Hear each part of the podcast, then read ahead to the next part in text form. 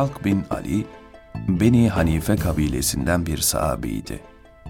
O Medine'ye geldiğinde Hz. Peygamber ashabıyla birlikte mescidin inşasıyla meşguldü. Çamur karma ustası olan Talk, derhal işe koyuldu ve mescid inşaatı için çamur karmaya başladı. İşin usulünü bildiğinden düzlük ve kumluk yerden ince kumları seçiyor, çamuru bu kumlarla karıyordu. Onun toprağa düzlük ve ince kumluk yerden kürekle alışı ve çamur karışı Peygamber Efendimizin dikkatini çekmiş ve hoşuna gitmişti.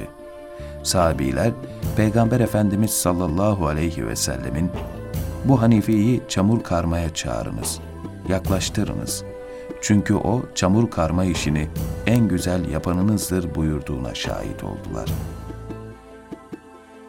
Talk bin Ali, işini iyi yapan bir insan olarak Resulullah'ın ona gösterdiği bu teveccühü hayatı boyunca unutmayacaktı.